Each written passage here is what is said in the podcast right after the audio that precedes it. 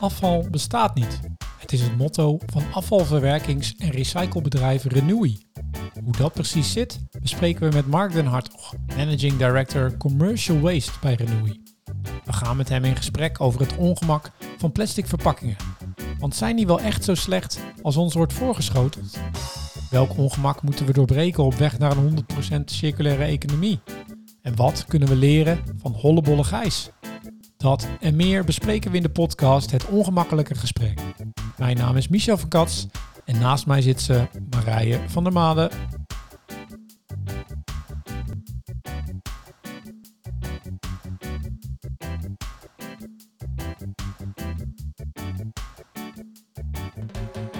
Welkom Mark. Jij bent manager, director commercial waste. Bestaat dat eigenlijk wel, commercieel afval? Ja, dat is een mooie Engelse term voor gewoon bedrijfsafval. Dus dat is eigenlijk wat eh, wij niet thuis weggooien, maar wat je eigenlijk aan afval hebt als je een bedrijf hebt. Dat kan bijvoorbeeld restafval zijn van een restaurant, Mhm. etensresten. Eh, afval van een bouwplaats als je een renovatie aan het doen bent. Maar het kan ook gewoon eh, ja, zijn karton, papier en andere spullen die je in een kantoor of in een ziekenhuis over hebt. Oké. Dus ah, het klonk Dus, wel echt sexier dan hoe je het nu uitlegt. Ja, goed, hè? Jammer dit. Ja. hey, eh, we gaan het natuurlijk over ongemak hebben vandaag. Waar zit jouw eigen ongemak in deze industrie? Ja, dus in de industrie zelf valt het wel mee. Ehm, je, er is een heleboel afval en daar probeer je als industrie het beste van te maken. Dus dan doe je dingen al gauw goed. Maar het is wel zo dat de afvalindustrie in het verleden ja, had natuurlijk ook wel zijn schandalen. Ehm, en dat gebeurt in een industrie waarin veel geld omgaat, gaat, heb je altijd gelukzoekers. Ik denk doordat nou, best wel wat dingen veranderd zijn. Hè, er is veel meer maatschappelijke interesse voor wat doen we nou met afval. Mhm. En hoe past dat eigenlijk in een maatschappij waarin we dingen willen hergebruiken? Ehm, en dat zorgt ook voor veel meer transparantie, wat ook goed is. En ik merk zelf ook, eh, sinds ik nu een half jaar in de branche actief ben, ja, dat er eigenlijk ook veel meer professionele partijen zijn. Dus eh, ja, het ongemak met de industrie zelf valt wel mee. Ik heb natuurlijk zelf wel, ook als persoon, een ongemak met afval. Omdat ja, ik eh, koop ook spullen en ik genereer ook afval. En eh, ja, doe ik dat nou allemaal op de juiste manier? Dus, eh, Ja, want ik kan me voorstellen dat, dat, dat vrienden en familie die bij jou over de vloer komen... natuurlijk meteen kijken, scheidt hij zijn afval wel helemaal goed? Ja, zeker. Nou, en dat stuk, dat, dat zit denk ik wel goed. Al een paar jaar hebben wij dan van die plastic hero zakken thuis voor Mhm. PMD. En dus eh, daar heb ik er altijd wel een sport van gemaakt om zelf de folietjes eh, van de bakjes eh, af te trekken en zo. Mhm. En nou, daar doen de, de kinderen in huis ook aardig aan mee. Maar er zijn natuurlijk wel, vooral als het gaat over hergebruik en wat schaf je nou aan en welke keuzes maak je erin. Ja, dat is soms wel lastig. En, en daar, kan ik, daar ben ik ook niet roomser dan de paus. Nee. Hè, ik koop ook af en toe nieuwe spullen. En sta je dan altijd even goed stil erbij? Nou, dat is de vraag die, eh, die, die mezelf af en toe ook wel bezighoudt. Ja, want er zit natuurlijk. Heb, merk je dat? Dat er best wel een lens op zit voor jou? Uh, n- Van, van- vanuit vrienden, familie. Nou, vanuit vrienden en familie is het vaker eh, fotootjes in de WhatsApp van ik heb weer een bak gezien van Genoei en eh, Ah, kan ja. eens niet geleegd worden. Eh, Dus dat valt wel mee. Maar eh, nee, het is denk ik wat ik mezelf wel opleg. Weet je, ja, Oké. je bent toch als directeur ben je het boegbeeld van een bedrijf. Daar hoort voorbeeldgedrag bij. Ja, Uh, het is denk ik dat ik het meer mezelf opleg. Ehm, en ik denk ook wel dat dat goed is. Ehm, en ik hoop ook dat ik daarmee wel inspireer en andere mensen laat zien van, weet je, nou, als je dit doet, ja, eh, dan werkt het ook en is het beter voor alles en iedereen. Dus meer dat, denk ik. ja. Oké, mooi. Waar zit het ongemak in je werk? Om daar nog even door, op door te gaan. Ja, dus in het werk zijn er denk ik verschillende aspecten van ongemak. Nou, misschien een van de observaties die ik had toen ik in de branche stapte, is dat het een branche is waarin ja, er best veel, nog veel ongelukken zijn, nog veel branden, ehm, ten opzichte van wat ik tot nu toe had gezien. En op het moment dat je daarin gaat verdiepen, dan zie je eigenlijk ook dat heel veel toch wel komt doordat er bijvoorbeeld heel veel in afval zit wat tot ongelukken of branden leidt. Eh, dan moet je denken aan batterijen die worden weggegooid bij het restafval of ehm, ja, eh, een aannemer die de container eh, of de bak zo hoog stapelt dat je hem bijna als eh, chauffeur ook niet veilig mee kan nemen. Mhm. Nou, en op het moment dat je daar met elkaar over in gesprek gaat, ja, dan wordt het ongemakkelijk. Want ja, we kunnen die klant toch niet teleurstellen. En ja, moet ik hem dan laten staan? Ja. Nou, en daar gewoon een, een gesprek over gaan hebben. Wat vind je nou eigenlijk zelf? En ehm, Heb je het met de klant er wel eens over gehad? En die confrontatie op een positieve manier, ja, die probeer ik wel intern aan te jagen. En Hmm. ehm, nou, het feit dat we dat soort gesprekken nu kunnen hebben, intern, maar ook met onze klanten bijvoorbeeld, eh, dat zorgt er wel voor dat in ieder geval er wat verandert en gebeurt. Eh, maar er is nog wel een hoop te doen. Ja. Ja, dus veel ongelukken. Dat, dat verbaast me dan wel weer. Want daar hoor je eigenlijk heel, relatief heel weinig over. Is dat, is dat omdat ja, bedrijven zijn daar niet trots op? Of ik, ik hoor daar eigenlijk nooit wat over in het nieuws. Nou, je, ik moet zeggen, sinds ik natuurlijk in de branche zit, dan, eh, dan lees je het ook, denk ik, wat bewuster. Ja. hè. Kan ook aan Eh, mijn bril Af en toe is een, een, een opslag eh, die, eh, hè, waar, waar brand ontstaat. Of eh, zoals af en toe ook helaas wel eens gebeurt, een voertuig wat spontaan in de brand vliegt. Omdat Ja. er toch uiteindelijk bijvoorbeeld batterijen eh, meegemalen worden bij het Ja. inzamelen van afval. Ehm, ja, dat is natuurlijk heel zorgelijk. En ook voor de mensen die eh, uiteindelijk iedere dag proberen hun werk zo goed mogelijk te doen. Ja. Eh, Zeker als je als chauffeur eh, verantwoordelijk bent voor zo'n voertuig en bezig bent eh, met het afval eh, in te zamelen, ja, dan is dat wel een zorg. Ja. Nou, ik moet wel zeggen, door daar gewoon ook weer met collega's uit de branche, met gemeentes over in gesprek te gaan, zie ik wel dat er ook wel interesse en bereidheid is om er wat aan te doen. Ja. Ehm, Zit nou, ik heb gelukkig in. een hoop energie, Mhm. dus ik ben voorlopig nog niet klaar met het eh, trekken aan die kar. Nee. Maar ja, dat zijn wel echt dingen die, eh, die beter moeten. En eigenlijk weet iedereen het ook wel. Het is alleen een kwestie van ja, durven we met elkaar dat aan te pakken. Ja. En daar echt ook keuzes in te maken die soms geld kosten. hè. Ja. Ja, want dat is natuurlijk altijd een reden om iets niet te doen. Ja. Ja. Ja, dus, eh, dus bijvoorbeeld ook, eh, eh, scheid ik mijn afval of niet?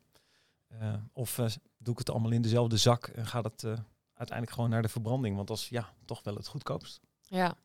Ja, maar het is ook als dan voor consumenten is het natuurlijk ook gewoon zo'n moeilijk onderwerp. Omdat dan denken ze het goed te doen en dan horen ze dat, dat, dat het uiteindelijk toch weer op één hoop gaat. En zoveel natuurlijk, ja, eh, onwetendheid denk, onwetendheid denk ik op het onderwerp. En sowieso ook over plastic, dat vinden we allemaal slecht. Terwijl plastic, je kan eigenlijk helemaal niet zeggen dat plastic slecht is. Want het is ook een supermooi product eigenlijk, eigenlijk toch? Ja, en dat is ook, weet je, als consument, en nou ben ik dan nog een, zeg maar, in, inmiddels in verpakkingen en afval een beetje een eh, geïnformeerde, goed Mhm. geïnformeerde consument. Mhm. Maar het is natuurlijk ook ingewikkeld, die chipszak. Mag die nou wel in die eh, plastic hero zak waar ik het net over had, Ja. of niet? En wat gebeurt er nou precies mee? En heeft eh, scheiding thuis nou wel zin of niet? Ja, precies. Ehm, nou, en dat, Wat denk je zelf? Heeft scheiding thuis zin? Nou, scheiding heeft thuis altijd zin. Hè? Dat noemen we dan voorscheiding. Ehm, omdat je daarmee in ieder geval zorgt dat je A, bewust wordt van hoeveel afval genereer ik. En dat helpt je ook keuzes te maken aan de voorkant. Ehm, hè, ehm, wat koop ik eigenlijk allemaal? ja. Ga in gesprek met eh, degene waar je die spullen vandaan haalt. Of het allemaal met dat verpakking moet. Denk aan bijvoorbeeld eh, de mensen die de spullen bij jou thuis bezorgen. Ehm, ja, eh, laat lekker het piepschuim en het karton meenemen door degene, de webwinkel of zo, waar je je spullen koopt. Ja. Eh, en dat voorkomt dat het gemengd misschien weer uiteindelijk in bakken komt. Aan de andere kant, nascheiding is ook belangrijk. Hè? Dus alles wat er nog uitgehaald wordt, als het eenmaal in een, eh, in, in een vuilniszak zit of in een container, ja, dat is natuurlijk ook eh, goed. Dat voorkomt dat je dat moet verbranden of storten. Ja. Het voordeel van voorscheiden is dus dat het allemaal in ieder geval schoon en droog is. Op Mm. het moment dat afval nat wordt, dus op het Ja. moment dat je heel praktisch, eh, veel etensresten op karton zijn gewoon niet goed voor de kwaliteit van het karton om er weer nieuw karton van te maken. Mm. Eh, dus als je dat voorscheidt, nou, dan worden we in ieder geval vanuit de recyclinggedachte worden we er erg blij van. ja. Oké, want ik, ehm, ehm, ik... Ik wil eventjes, eh, misschien even terug naar Renewy. Eventjes algemeen. Even voor een beeld voor de luisteraar. Hè. We hebben het over afval, we hebben het al plastic, we hebben het over karton, we hebben het over fruitschillen gehad. Ehm, volgens Renewy zelf zeggen jullie dat jullie 14 miljoen ton afval per jaar verwerken. Ik vind het moeilijk nog te plaatsen hoeveel dat precies is. Hm. Maar het voelt wel als heel veel. En daarvan wordt 89% gerecycled of gebruikt voor energieherwinning. Dan denk ik, oké, dat vind ik wel echt extreem hoog. Sterker nog, ik zie op jullie site dat jullie heel erg veel zeggen afval bestaat niet. Eh, kortom, alles is te hergebruiken. Mijn vraag is dan, A, hoe realistisch is, is dat echt zo? En waar blijft dan die overige 11%?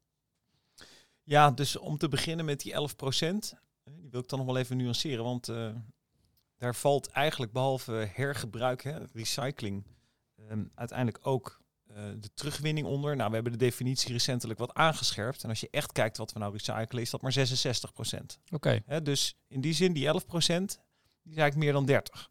Hm. Dus dat betekent dat er eigenlijk nog 30 procent uiteindelijk verbrand wordt of eh, op een stort terechtkomt. Nou, we hebben voor onszelf daarom ook wel een missie gedefinieerd, missie 75. En dan zeg ik dat we in 2025 zo'n 10% meer willen recyclen uit het afval wat we inzamelen. Ja. Dus de- we zijn er nog lang niet. Ehm, en ik denk ook dat het een goed streven is om uiteindelijk naar 100% te gaan. Wa- wat is de grootste slag die je daarin moet maken? Ja, dat zit hem toch vooral in het beter uitsorteren. Dus daar kunnen we zelf een hoop aan doen. Ehm, er zijn heel veel ontwikkelingen die zorgen dat je met infrarood en andere technieken steeds beter kan scheiden. Eh, Dus dat maakt het eh, erg waardevol om daar ook in te investeren. Maar aan de andere kant, ehm, ja, het ook zorgen dat we aan eh, de voorkant beter scheiden. En dat we ook producten on- ontwerpen op een manier dat je ze beter kan scheiden. Ja, dat zijn wel belangrijke randvoorwaarden om te zorgen dat het eh, richting de 100% gaat. Ja, ja en, en, ik, en even aanhakend dan op het beter ontwerpen van producten die volledig zijn te recyclen.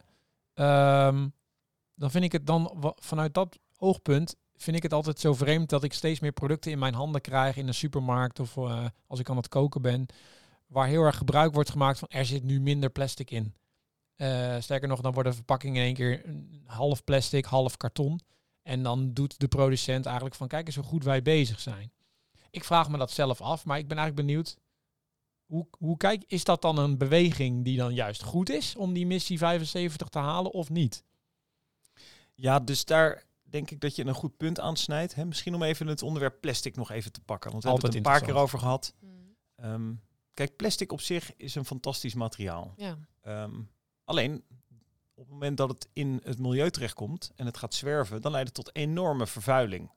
Het komt in zeeën, in oceanen en dat leidt tot uiteindelijk weer een degradatie waar je zelfs microplastics van krijgt. En die eindigen uiteindelijk natuurlijk weer bij de vis en bij ons eh, in ons eigen lichaam.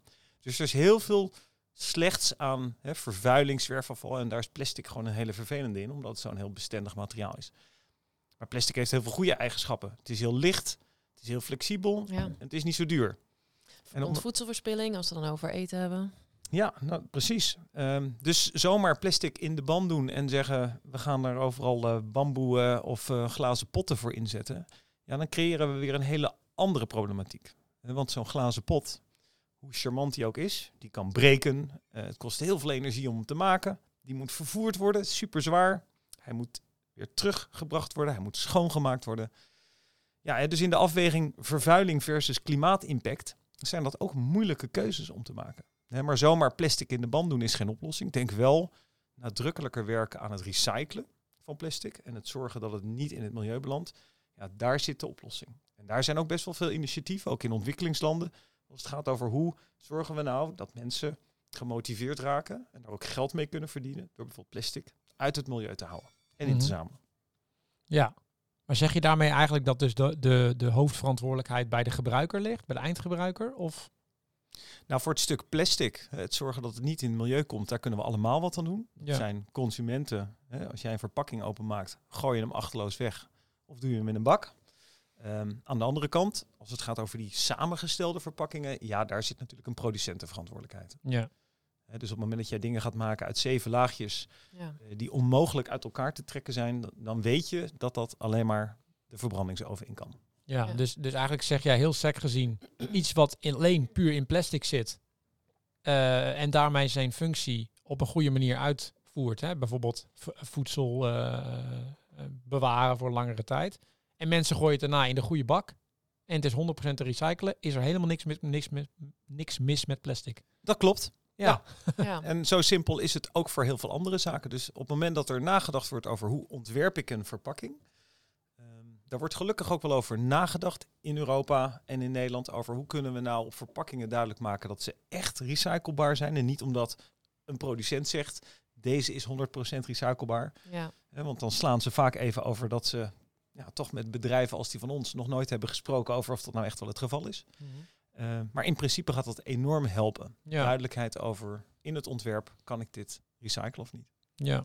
Maar daar zit natuurlijk ook gewoon zo'n frictie. Want de consument die heeft het idee van plastic is slecht. Die, die zoekt inderdaad van, oh, als, het, als, als er dan staat biodegradable of uh, inderdaad recyclebare verpakking of wat dan ook, dan is dat beter.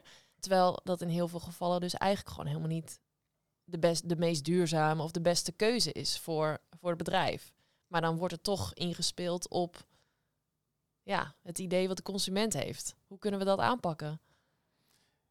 Nou, wat je ziet bij dat vraagstuk is natuurlijk als consument eh, kun je onmogelijk overzien uh, wat er allemaal met die verpakkingen aan de hand is. Ja. Uh, en wat ik net al zei, uh, hoewel ik er me toch aardig in heb verdiept de afgelopen jaren, blijft het ook voor mij af en toe als ik met een bakje of iets boven de, de bakken sta, een vraag van, waar moet nou? die in? Ja. En hoe gaan we dat doen?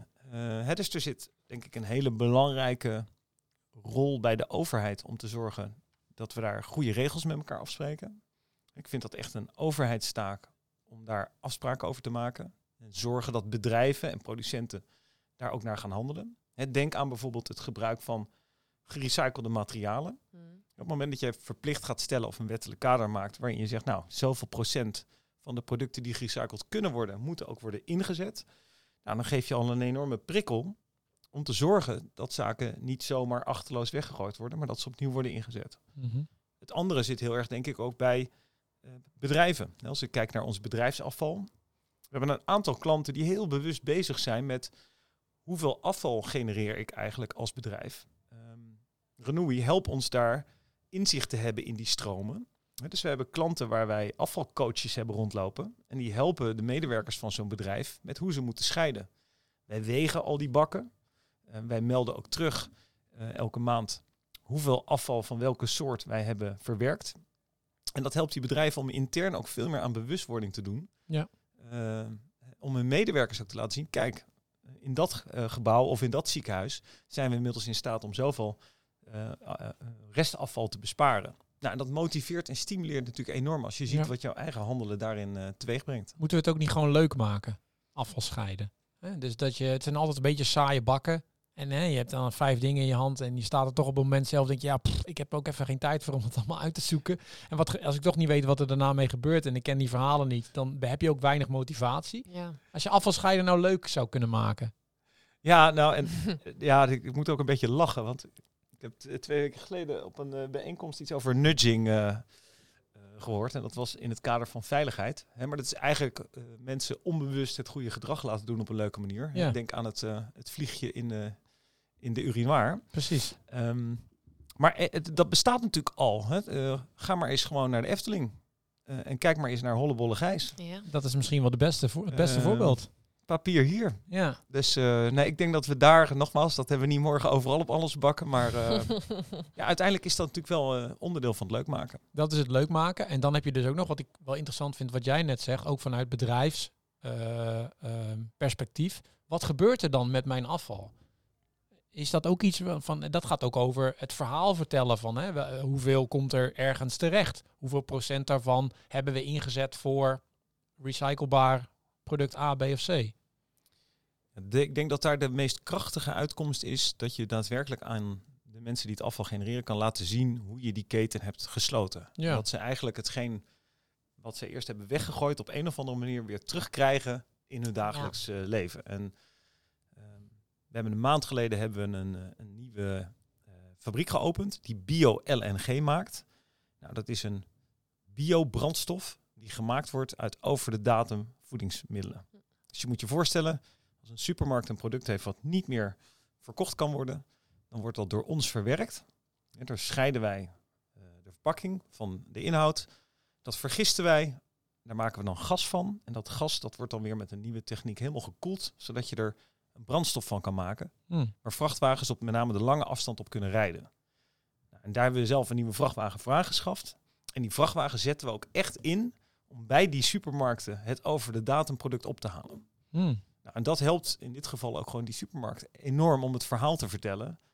Ja. Jongens, we gooien dit wel weg.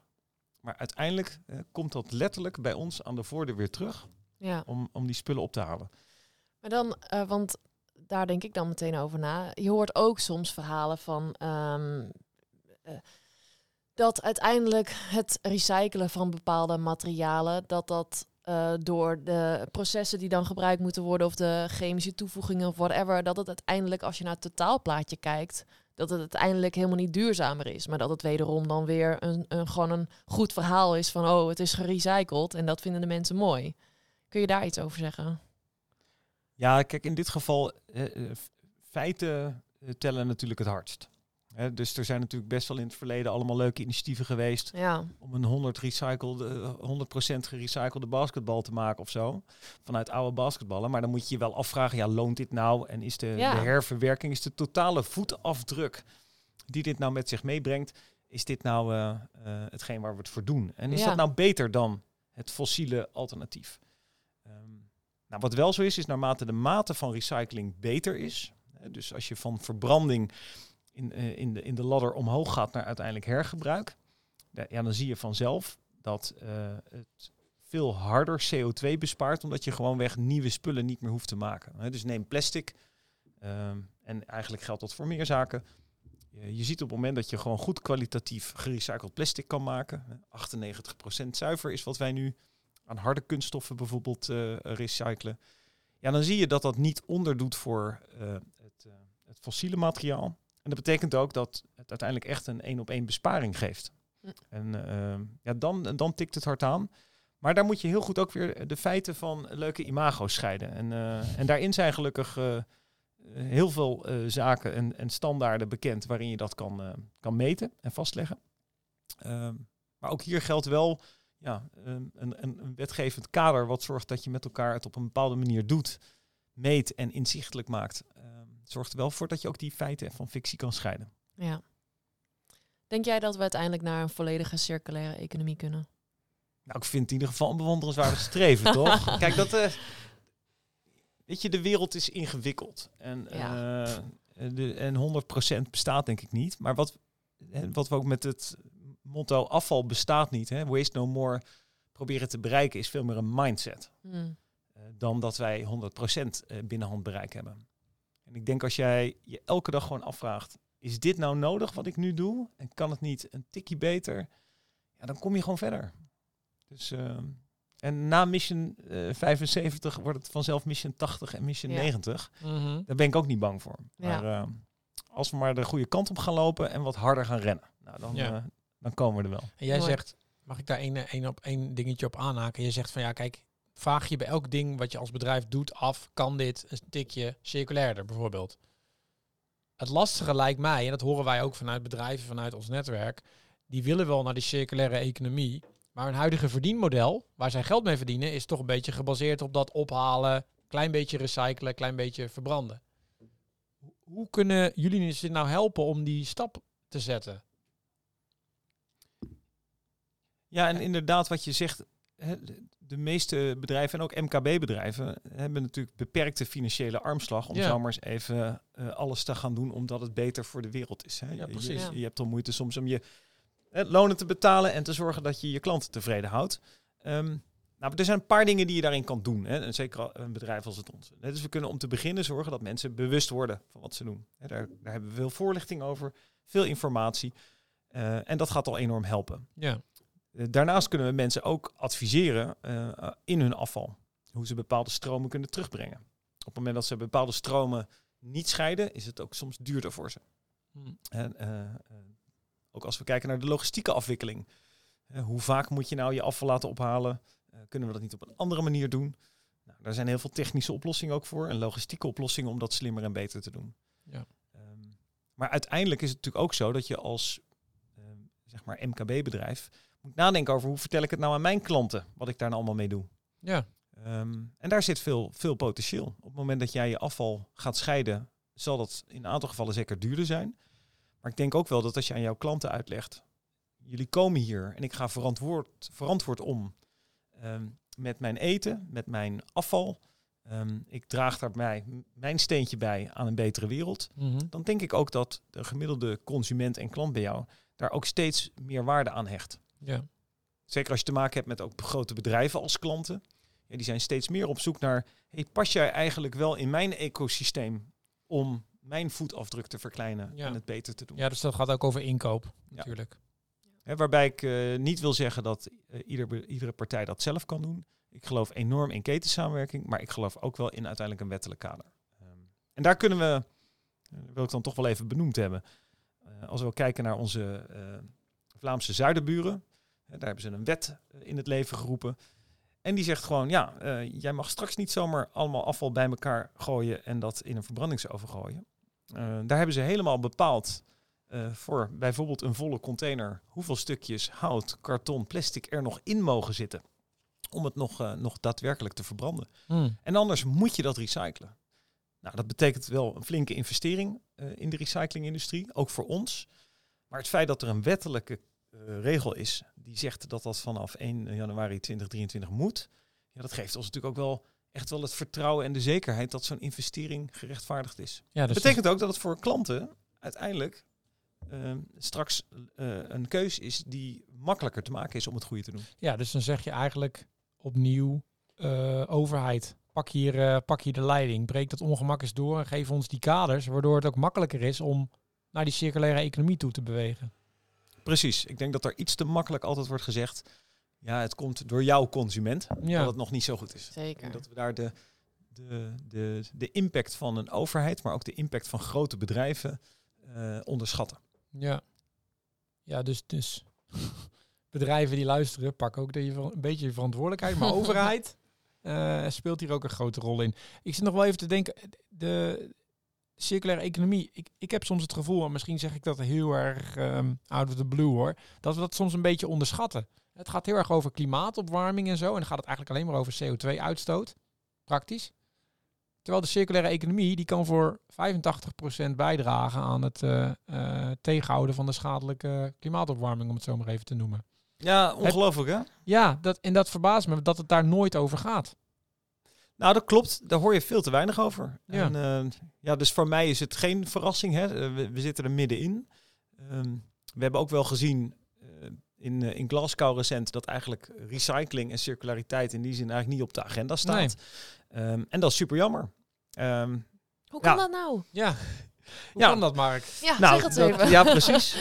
nou, een van de dingen is natuurlijk door het er met elkaar over te hebben. En Ja. uh, ja, daar zie ik ook wel echt een verantwoordelijkheid voor nou, bedrijven zoals Renoui, uh, voor mijzelf als persoon, voor onze branche. Ja, om dat natuurlijk gewoon veel beter over de bühne te krijgen. Ja. Um, dus nogmaals, daar, uh, daar wil ik denk ik ook wel de hand in eigen boezem steken. Ja, dat verhaal moet gewoon vaker verteld worden. We zijn nu druk bezig om dat verhaal te vertellen, dus wat dat betreft ben je goed bezig. Hm. Um, Oké, okay. dus en, en, misschien daarop aanhakend de ontwikkeldoelen dus. Hè? Dus we hebben die doelen. Uh, we weten naar de circulaire economie, waar we naartoe moeten.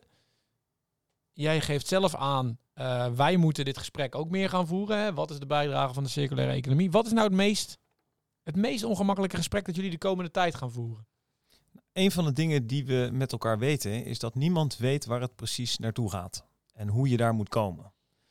Dus we zien bijvoorbeeld in samenwerkingen met kleine start-ups, die met ideeën komen over hoe je iets kan recyclen. Ja, dat zijn natuurlijk niet zaken die morgen meteen werken, technisch gezien. Uh, en ook niet altijd meteen geld opleveren. Ja, dus dat vraagt van een groot bedrijf, uh, uh, zoals Renoui, wat meer risico te nemen. Mm -hmm. Wat meer durf, wat meer experimenten, experimenten toe te laten. Um, het vraagt van grote bedrijven ook om, als je als olifant wil dansen met een muis, ja, dat je uh, goed oplet waar je je voeten neerzet. En Mhm. dat je ruimte geeft voor de muis om, uh, om, uh, om te dansen. En, en daar met elkaar ook goede afspraken over maakt om te zorgen dat het er een beetje uitziet. Ja. En um, ik denk dat daar met elkaar over in gesprek gaan en met open vizier, heel transparant, de risico's, de onzekerheden gewoon op tafel te leggen en met elkaar ook af te spreken dat dat oké okay is. Ik denk dat dat ons heel veel verder gaat helpen. Ja, dus we moeten het samen doen. En, uh, we moeten het zeker samen doen. En, en vertrouwen op elkaars kracht of zo. Ja. Ja, ja. en dus uh, nou, de waardering en de erkenning dat ik een olifant ben en jij een muis, maar dat we wel graag samen een heel, heel mooi willen dansen. Ja. ja, daar begint het wel mee. Ja, een circulair dansje. Ja. Um, hey, jullie zeggen eigenlijk uh, afval bestaat niet, hebben we al genoemd. Wat kan een luisteraar morgen doen met deze wetenschap? Nou, gewoon er, er naar gaan handelen, zodat het niet een, uh, een holle frase is. Um, en dat kan zijn met hele kleine dingen privé thuis. weet je, vraag je eens wat vaker af. eh, moet ik dit nou weggooien of kan ik het nog bewaren? Moet ik dit nou nieuw kopen of niet?